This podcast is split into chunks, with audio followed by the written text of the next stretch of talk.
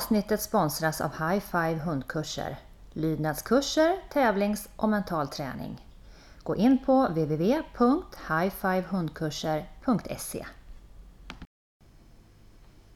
Dagens gäst har ett brett kunskapsområde inom hundsporten, framförallt inom vallning, lydnad och inte minst agility. Hon har tävlat på mästerskapsnivå i flera grenar och driver företaget Klickeklok tillsammans med sin man Thomas Docke. Nyligen hemkommen från Agility-SM med en fin nionde placering i finalen. Välkommen Fanny Gott! Tack så mycket! Du, berätta lite mer om din bakgrund i hundsporten. Ja, jag har nog alltid varit hundintresserad av någon anledning utan att riktigt veta varför. Och när jag var åtta så lyckades jag tjata mig till familjens första hund, en cairnterrier. Som jag försökte träna med och så fort jag fyllde 12 år så ville jag börja tävla lydnad och släpade runt honom på säkert 20 klass 1-tävlingar utan att få ett enda första pris.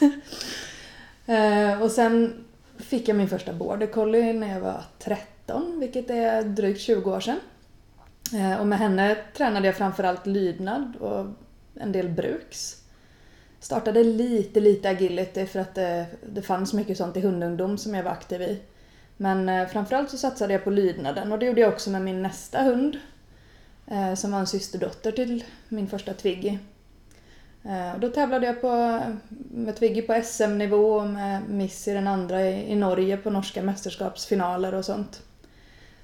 Och sen någon gång runt 2006, 2007 så upptäckte jag att agilityn på något sätt hade kommit kanske ikapp och förbi lydnaden när det gäller detaljrikedom och träningsnörderi på något sätt. Tänker du rent allmänt då, eller för dig? Ja, det, det var nog allmänt. Jag har ju alltid varit intresserad av att träna hund. Och när jag började så var agilityn väldigt fokuserad bara på att ta sig runt banor och över hinder utan att egentligen tänka så mycket träning. Och råden man fick när man gick kurser var inte heller baserade direkt på träning utan mer på att vifta högre med handen eller lägre med handen eller försöka lägga bytet där istället för där. Och jag fastnade aldrig riktigt för det förrän 2006 när jag träffade en engelsman som heter Greg Derrett ehm, som kom med ett helhetligt handlingssystem för agility och också massa tankar kring hur man kunde träna kontaktfält och eh, olika detaljer i handlingen. Och då blev jag mer intresserad av agility och började satsa på det med min första jaktkocker som heter Shape.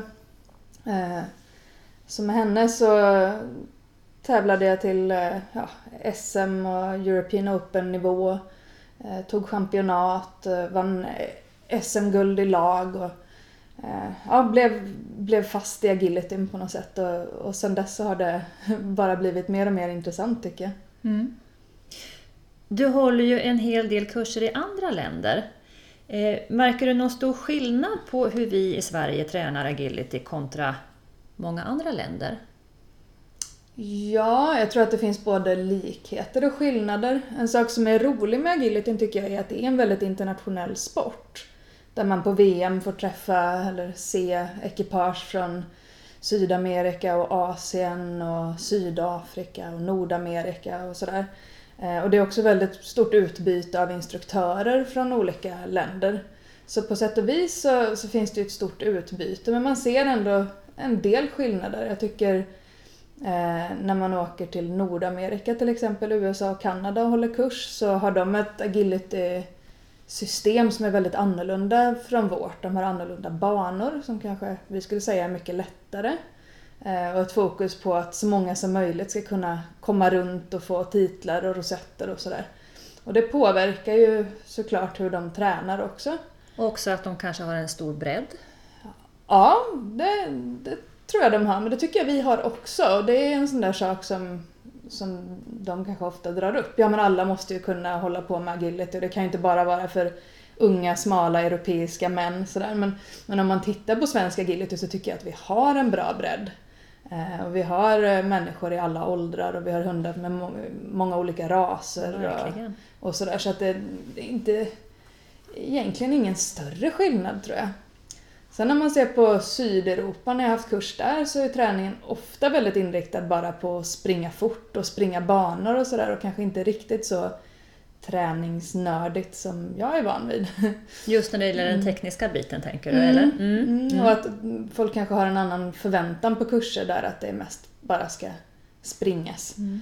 Ehm, men det finns ju jätte, jätteduktiga tränare i, i kontinentala Europa som, som har betytt massor för, för utvecklingen i agility när det gäller det träningstekniska. Så att det finns nog på alla, på alla kontinenter. Mm, mm. Vad tycker du är, är svårast i agilityn? Om du skulle plocka ut en eller, eller några, några få saker, både när det gäller träning och tävling. Mm, det som jag tycker är svårt med agility är att man aldrig riktigt vet vad man kommer råka ut för på tävling. Eh, om man jämför med lydnaden till exempel så är det ju väldigt tydligt i reglerna vilka moment som kommer att ingå och hur de ska vara upplagda. Men i agility så får man ju alltid en ny bana och det är inte säkert att de svårigheter som jag har nött på de senaste veckorna är de som dyker upp när jag tävlar. Och då gäller det ju att bygga en så bred förståelse som möjligt hos hunden för, för allt möjligt och sen att försöka pricka rätt i träningen så att man har tränat på just det som, som dyker upp på tävlingarna. Och det blir såklart extra viktigt om man åker på mästerskap eller så, att man inte får några överraskningar.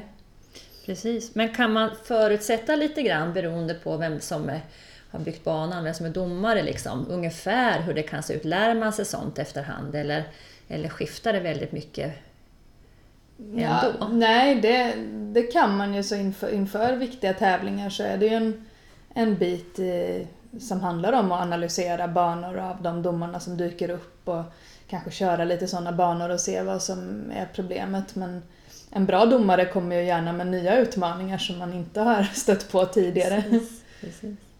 Då det gäller träning då, vilka bitar tycker du är svårast där? Jag tycker det är svårt att hitta en balans mellan att träna på alla de här sakerna som jag vill att hunden ska kunna och samtidigt se till att man inte tränar för mycket. Därför att jag tycker agility har ju en väldigt fysisk komponent och man kanske inte vill nöta slalom i all evighet eller liksom träna alldeles för mycket. Så man måste prioritera hela tiden och också prioritera fysträning och andra aktiviteter som balanserar upp. Mm. Så, så det kan jag nog tycka är det svåraste, att bara, jag kan bli överväldigad av allt som jag känner att jag borde och vill träna på. Och det är klart, det måste ju skilja från hund till hund också. Mm. Beroende på hur, hur pass mycket de olika träningsdelarna ska, ska ingå. Mm, Lägger absolut. du mycket tid på, på fysträning med dina hundar förutom den träningen som, som du gör i själva agilityn? Ja, det försöker jag göra och då försöker jag tänka på att dels lägga en så bra grund som möjligt med valpar och unghundar. Att jag prioriterar väldigt mycket fysisk utveckling med dem det första året. Gå i skogen, att använda kroppen, att se till att de kan stå balanserat och att de är starka och bygger muskler på rätt ställen och sånt. Och hamnar man rätt där så tycker jag att det är mycket lättare att underhålla. Så, att, så jag lägger mycket tid på det första året och sen försöker jag ju såklart underhålla det då med mycket promenader i skogen, simning så här på sommaren, eh, balansövningar och återhämtning på olika sätt för hundarna så att de ska vara i toppform. Mm. Vad tycker du att en bra agility-hund bör ha för grundegenskaper? Det som är roligt med agility tycker jag är att hundar kan lyckas trots att de har ganska olika egenskaper och att man på sätt och vis kan både med träning men också med hur man väljer att ta sig an banan kan kompensera lite för hundens egenskaper. Men jag tror att för att bli riktigt framgångsrik så behöver hunden ha en atletisk kropp. Eh, och det tror jag är en av de stora anledningarna till att till exempel shelties och border collies och eh, liknande vallhundsraser är väldigt framgångsrika för att de är byggda för att springa fort och vända snabbt och vara flexibla i ryggen och sådär. Eh, så att vissa raser kommer alltid vara begränsade av sin fysik. Mm. Även om de kan vara med på agility-tävlingar och har roligt så kanske de aldrig kommer nå toppen. Sen så tror jag också att det är viktigt att hunden är motiverad. Att man har belöningar som den vill engagera sig i och det är ju också olika lätt med olika typer av hundar. Men det finns också väldigt mycket man kan göra med träning där. Och sen så tror jag också att hundar har lite olika grundtempo i kroppen. Alltså en del hundar är lättare att få hög fart på än andra.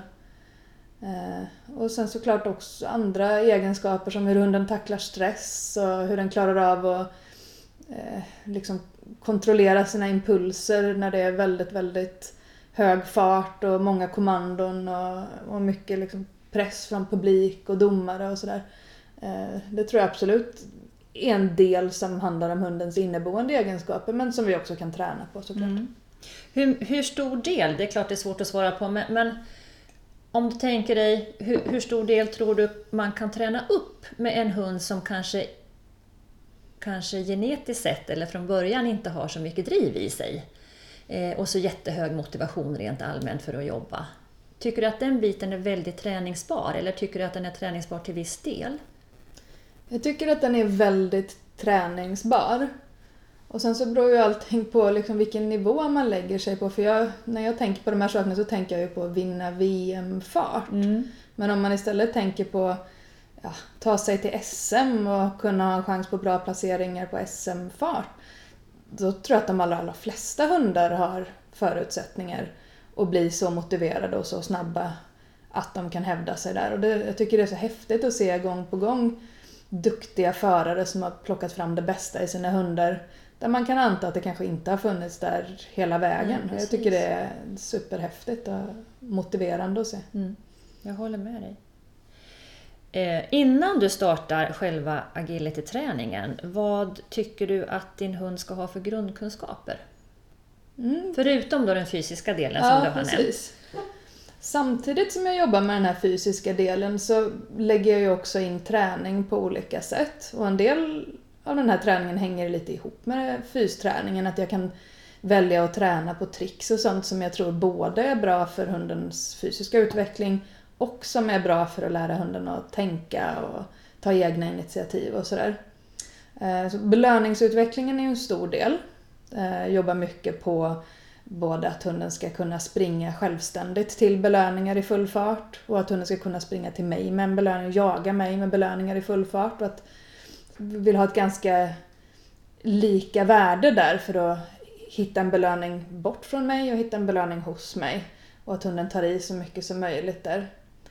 Eh, jag vill se till att hunden både jobbar för godis och för lek. För att även om agility är högintensivt så tycker jag att det är en jättestor fördel om hunden också kan jobba för godis. För att ibland vill man kanske ta ner intensiteten lite i inlärningen för att få lite mer ja, tänkande och kanske en högre rättprocent och sådär. Så att jag vill ha både lek och godis. Um, och jag vill se till att hunden är öppen i huvudet hela tiden. Och det tror jag är väldigt likt så som jag tänker i lydnaden också. Att hunden ska vara jätte, jättemotiverad för sina belöningar. Men det ska liksom inte riktigt synas på dem. Alltså de ska inte vara så fixerade vid belöningen att de inte kan utföra sina beteenden på ett rent och snyggt sätt. Ehm, så sånt börjar jag lägga in ganska tidigt. Alltså, och det behöver inte handla om agility, det kan bara vara att klara av att sätta en tass på en liten target väldigt precis fastän jag har häftigaste belöningen i närheten. Att hunden liksom kan göra precisionsuppgifter trots att den är väldigt upphetsad. Ehm, och jag jobbar mycket med shaping och att hunden ska liksom ta egna initiativ. Så sånt jobbar jag också på. Att, att hunden ska lära sig att ja, erbjuda beteenden och repetera sånt som den får belöning för. Och att den ska kunna göra om och göra rätt om den inte får belöning utan att bli frustrerad eller ge upp. Eller så, så att jag lägger den tid jag behöver på att få det här träningssamarbetet att fungera. Jag har till exempel en tvåårig tik nu som jag hämtade på Irland när hon var tio månader. Eh, och med henne har jag haft jättestora utmaningar med, med det mesta. Hon tog inte godis från handen, hon ville inte leka, hon blev rädd för många ljud och sånt i början. Fläktar, bilar, lastbilar eh, och sånt. Och hon kunde koppla det till träningsplanen. Så att det tog nog i alla fall ett år att få henne till en nivå där det kändes som att yes, nu kan vi börja mm. träna. Och nu när vi är inne på nästan ett och ett halvt år så är hon hur häftig som helst. Och nu har jag börjat träna på lite slalom och lite handling och börjat fundera på att lära henne kontaktfält. Och det har tagit mig ja, ganska mycket över ett år. Mm. Men jag tycker det är värt det för nu ser jag liksom hela potentialen som finns i henne. Och jag tror inte att det hade kanske kommit fram om jag hade skyndat mig på för att lära henne hinder det första jag gjorde. Utan det får ta den tid det tar. Och det är lite extremt då när man hämtar en hund som har stått i ett skjul på Irland. Men det kan ju vara som en valp också. Alla är inte färdiga för att lära sig hinder när de är fysiskt mogna. Jag har haft hundar där jag har väntat längre och hundar där jag har som kommit igång snabbare. Mm. För att de utvecklas på olika sätt. Men de här grunderna är alltid, alltid det viktigaste för mig. Om jag inte har det där träningssamarbetet så, så spelar inte det andra så stor roll. Det måste finnas i grunden. Mm. Du pratade tidigare om att, att hunden ska vara öppen i huvudet och då tänker jag på eh, en del vallhundar som har lätt att låsa, hundar med mycket aj till exempel. Hur jobbar du med den biten? Ja, jag har ju tränat border collies ganska länge och en del har ju lättare att ta fram det här ajet och att liksom låsa sig på belöningar. Och jag upplever att det hjälper väldigt mycket och uppmuntra hundens egna initiativ. Att man inte jobbar så mycket med att visa och locka. Eh, utan att de får liksom, tänka bort belöningen lite för att få belöningen. Eh, samtidigt så vill man ju ibland att de ska kunna till exempel springa till en belöning. Och då får man jobba på det lite specifikt. Att vill du ha belöningen då måste du ta i när du springer till den. Eh, och jag tror också att det är väldigt viktigt att titta på vad man belönar i träningen. Att man är noga med att man bara belönar de här rena, fina beteendena som man är ute efter.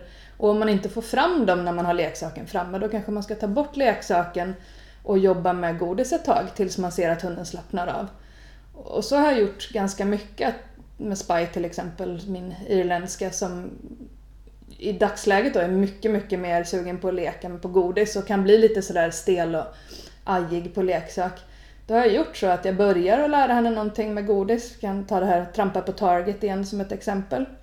Och då kastar jag godis när hon gör rätt. Och så när hon har gjort rätt några gånger så får hon en lekbelöning. Och då ser man direkt hur hela hunden ändrar sig och blir liksom stelare och har svårare att utföra beteendet för att hon vill stirra på mig och så här. Och då väntar jag och så får hon göra det igen. Men hon får inte leksaksbelöningen så länge jag kan se att hon fortfarande är i den sinnesstämningen. Utan då kommer det godis och godis och godis. Fram tills hon ser sådär avslappnad ut igen och så kommer leksaken tillbaka.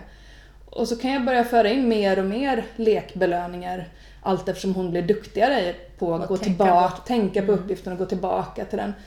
Så, så mycket sådana övningar gör jag eh, som inte har så mycket med liksom, moment eller agility-hinder att göra utan som, som bara har med att lära sig att lära. Lära Mm. sig vad matte är ute efter. Mm, precis. Eh, hur mycket tränar du? Lite för lite kanske. Tycker man väl alltid kanske Ja. att man gör. Ja. Eh, nej men jag är nog jag är väldigt eller lite besatt av bra träning. Så jag, jag får liksom en dålig känsla när jag känner att träningen inte är så välstrukturerad och genomtänkt och att hundarna är så fräscha som jag vill. Så därför undviker jag nog att träna när jag känner att ja, hundarna kanske börjar bli trötta eller jag är trött eller jag inte har en bra plan. Ehm, så jag, jag försöker nog hålla mig till kvalitet framför kvantitet och inte bara för att jag tror att det är bra men också för att jag liksom själv inte riktigt mår bra av den här liksom bara Slaskträning. slask. Mm. Nej, jag, jag fixar inte riktigt det. Jag, jag får ingen bra känsla då. Jag vill ha kvalitet i träningen. Ehm, så jag försöker träna förs- försöker träna mer. Det är liksom min målsättning hela tiden. Träna mer. Eh, och försöker också tänka på att mm, man kan träna mycket utan att träna agility. Man behöver liksom inte alltid gå ut och köra en bana utan man kan fundera på vad är det som brister och hur kan jag träna det på, liksom ett, på en lägre nivå? Är det några grunder som saknas? Är det någonting vi kan göra inne som kommer hjälpa där? Är det någon liksom, behöver hunden mer styrka? Behöver hunden mer förståelse för något koncept? Um, men jag gjorde, och det här är nog fyra, tre, fyra år sedan nu, men jag skrev faktiskt ner hur mycket jag tränade med hundarna under ett år. Eh, För att jag får den här frågan ibland, ja men hur mycket tränar du? Och jag hade liksom ingen riktigt grepp om det. Eh, Och nu är ju det här då tre, fyra år sedan. Men jag tror inte det har ändrat sig så mycket. Om något så tror jag att jag var duktigare på att träna när jag skrev ner. För då blev man så här, "Ja, men nu vill jag ju fylla på Mm, idag så att jag precis. liksom inte tappar Och då min, min liksom främsta tävlingshund i agility då tränade ett genomsnitt av 4,5 minut per dag agility. Året om så att säga? Ja, ja. och det är ju på, på ett år, utslaget på ja, ett år. Ja. ja. Och det innebär ju att ibland är, är man ju ute och reser till exempel. Jag Precis. reser och håller kurser och då får hundarna inte så mycket träning Nej. alls. Så det blir träning. ganska mycket egentligen, även fast det kanske inte låter så mycket när man säger 4,5 minut. Men sammantaget så blir det ju rätt mycket ändå. Ja, ja på ett år så blir det ju många minuter. Eh, och då har jag inte räknat in sånt som fysträning och promenader och sånt utan det är liksom ren agility-träning. Ehm, Men det är, det är olika också, olika perioder på året. Det är olika beroende på vilken fas av utbildningen hunden är i. Squid som tävlade SM-final nu, hon är snart 10 år och av naturliga skäl så blir det lite mindre träning med henne. Vilket nog går ut över prestationen lite också men där får man ju hitta en balans också igen mellan att ta hand om den äldre kroppen och att underhålla alla, eh, alla detaljer som Tyvärr så är det så att även om de är snart 10 så kommer de inte ihåg det man inte tränar precis. på. Nej.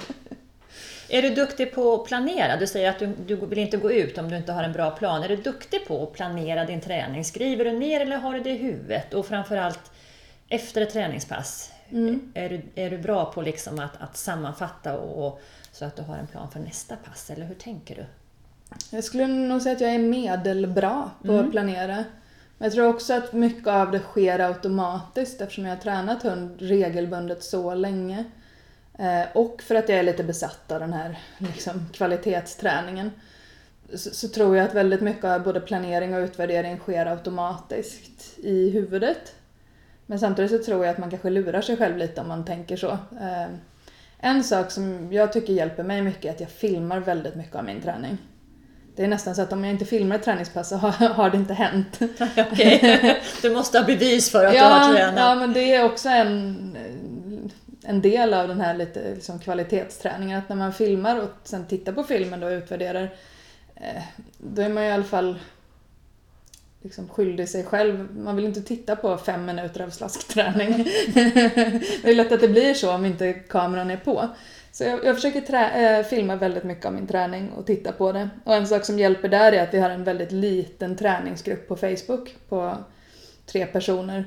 Eh, där vi lägger ut väldigt mycket av våra träningspass så att de andra kan titta på det och komma med inspel. För att vi är träningskompisar som inte bor nära varandra och inte har möjlighet att träna tillsammans. Så då gör vi det ja, på Facebook istället men, men delar med oss av tankar och filmer och, Smart. och sådär. Och det, det tycker jag också hjälper mycket, att man inte är helt ensam. För jag tränar väldigt mycket ensam.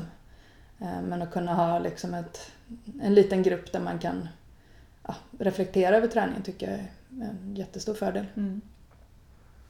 Hur lägger du upp träningen inför ett mästerskap? Nu till exempel inför SM här. Hur, hur, hur planerade du din träning då? Eh, ja. Då försöker jag ju som sagt att titta lite på vilka det är som dömer. Eh, titta på deras banor och gärna köra lite banor av dem. Eh, ännu bättre om man kan åka på någon tävling där de dömer innan så att man får känna på det liksom i verkligheten. Ehm, jag försöker ha en träningsplan som går ännu mer långsiktigt där jag kanske jobbar under vintern med och dels stärka upp detaljer som, som behöver stärkas och dels jobba mycket med fysträning. Och sen komma in i en period under våren där man jobbar mer på explosivitet och helhet och försöker testa de nya sakerna på tävling. Eh, för att sen komma in då i sommarsäsongen där det är Ja, den här sommaren har vi dels haft SM precis, sen ska min unga hund till European Open i Österrike i slutet av juli och sen två veckor efter är det Nordiska mästerskapen i Finland. Så det är de tre stora tävlingarna som vi har fokuserat på. Och innan det så var det landslagsuttagningarna som också var för mig ett stort mål som jag jobbade fram emot. Ehm, Så under sommar, sommarsäsongen så handlade det mycket om att alltså, behålla formen och hålla hundarna friska. Mm. Ehm, Jag åker till eh, Annika Falkenberg som är sjukgymnast utanför Göteborg med hundarna Ehm, det tar tre och en halv timme härifrån men vi packar in oss och så Hur tar ofta vi en... åker du dit? Ehm, Det beror lite på men det har varit inför alla ja, landslagsuttagningar och mästerskap nu under våren. Sen så har min eh, Epic skadat ett korsband. Eh, så, och det hände i februari så sen dess har han varit där en gång i månaden för att komma, ja, komma tillbaka i form. Och målsättningen är att han ska komma tillbaka till agility någon gång i höst kanske. Um, Så det har blivit många resor men jag tycker det är värt det för jag tycker att vi får väldigt värdefull hjälp och att hundarna håller sig både fräscha och starka och snabba av uh, att få hjälp av Annika. Så det är absolut en, en, eh, någonting som tar både tid och pengar men som jag tycker är värt det. Eh, Och som jag försöker planera in så att det passar med tävlingssäsongen och när jag vill att hundarna ska vara på topp. Eh, har du några inspirationskällor i träning och tävling? Massor. Jag, men jag försöker nog... Jag, eh, så ju mer man håller på desto mer vill man lära sig tycker jag. Och jag försöker att lära mig av så många som möjligt. Eh, jag blir inspirerad av att se filmer på Youtube av folk som är duktiga. Jag blir inspirerad av att se täv- stora tävlingar där folk är duktiga. Jag blir inspirerad av att gå kurs. Tycker det är jätteroligt att gå kurs. Eh, jag går kurs eh, IRL om jag har möjlighet, men jag går också onlinekurser för instruktörer som jag tycker verkar ha intressanta idéer. Så att jag försöker hela tiden att eh, och liksom stoppa in både inspiration och kunskap. Sen vet jag inte om jag har, som jag kan nämna några specifika inspirationskällor så, utan jag försöker hela tiden följa utvecklingen i sporten och, och titta på vilka som gör bra resultat och vad de gör annorlunda från andra. Och, eh, ja, försöker lära mig så mycket som möjligt. Om man vill bli riktigt bra på att träna hund oavsett gren, vilka tips skulle du då ge? Ja, jag tror att det viktigaste är att man tränar hund. och att man, att man liksom gör det mycket. Eh, att man är ödmjuk eh, och försöker att lära från så många håll som möjligt. Jag tycker att jag har lärt mig jättemycket av att hålla på med olika grenar. Eh, och att gå kurs i olika grenar och tävla i olika grenar. Eh, jag tycker också att hundarna har nytta av att vara tränade i olika grenar. Så jag försöker grunda alla mina hundar i lydnad till exempel, även om jag kanske inte tävlar så mycket längre. Eh, så träna mycket, var ödmjuk, gå kurs, lär dig mer. Ehm, och skyll inte på hunden. Nej men jag, jag, jag tycker att det känns som att ju, liksom, ju nyare folk är, ju mindre de har tränat hund, desto vanligare är det att man tror att det är hunden det är fel på. Ehm, och det, jag kan förstå den känslan men det är ganska sällan hundens fel. Eller det är aldrig hundens fel. Men, och sen har hundar olika egenskaper men man lär sig jättemycket av att och jobba med de problem som dyker upp. Och jag tror att man liksom måste jobba sig igenom ganska många problem för att bli duktig på att träna hund. Och då kommer vi osökt in på nästa fråga. När träningen känns motig, hur motiverar du dig själv att fortsätta jobba vidare? Ja, det är en bra fråga. Jag tror att jag är så skadad att jag liksom bara jobbar på utan att nästan reflektera över det. För att jag har tränat hund så länge att det har blivit... Du vet att de där svackorna kommer, liksom, det hör till. Ja, och jag, även när jag känner att allting går väldigt dåligt och jag känner mig värdelös så finns det liksom inget annat alternativ. Vad skulle jag göra annars? jag, jag har hela mitt vuxna liv egentligen bara jobbat med hundträning. Eh, Så att jag har, jag har liksom lite svårt att tänka mig att jag skulle göra något annat. Men när det är sagt så kan det vara skönt att faktiskt kunna lägga saker åt sidan ett tag. Och då är det ju fördelen när man håller på med flera grenar. Kanske också att man har flera hundar.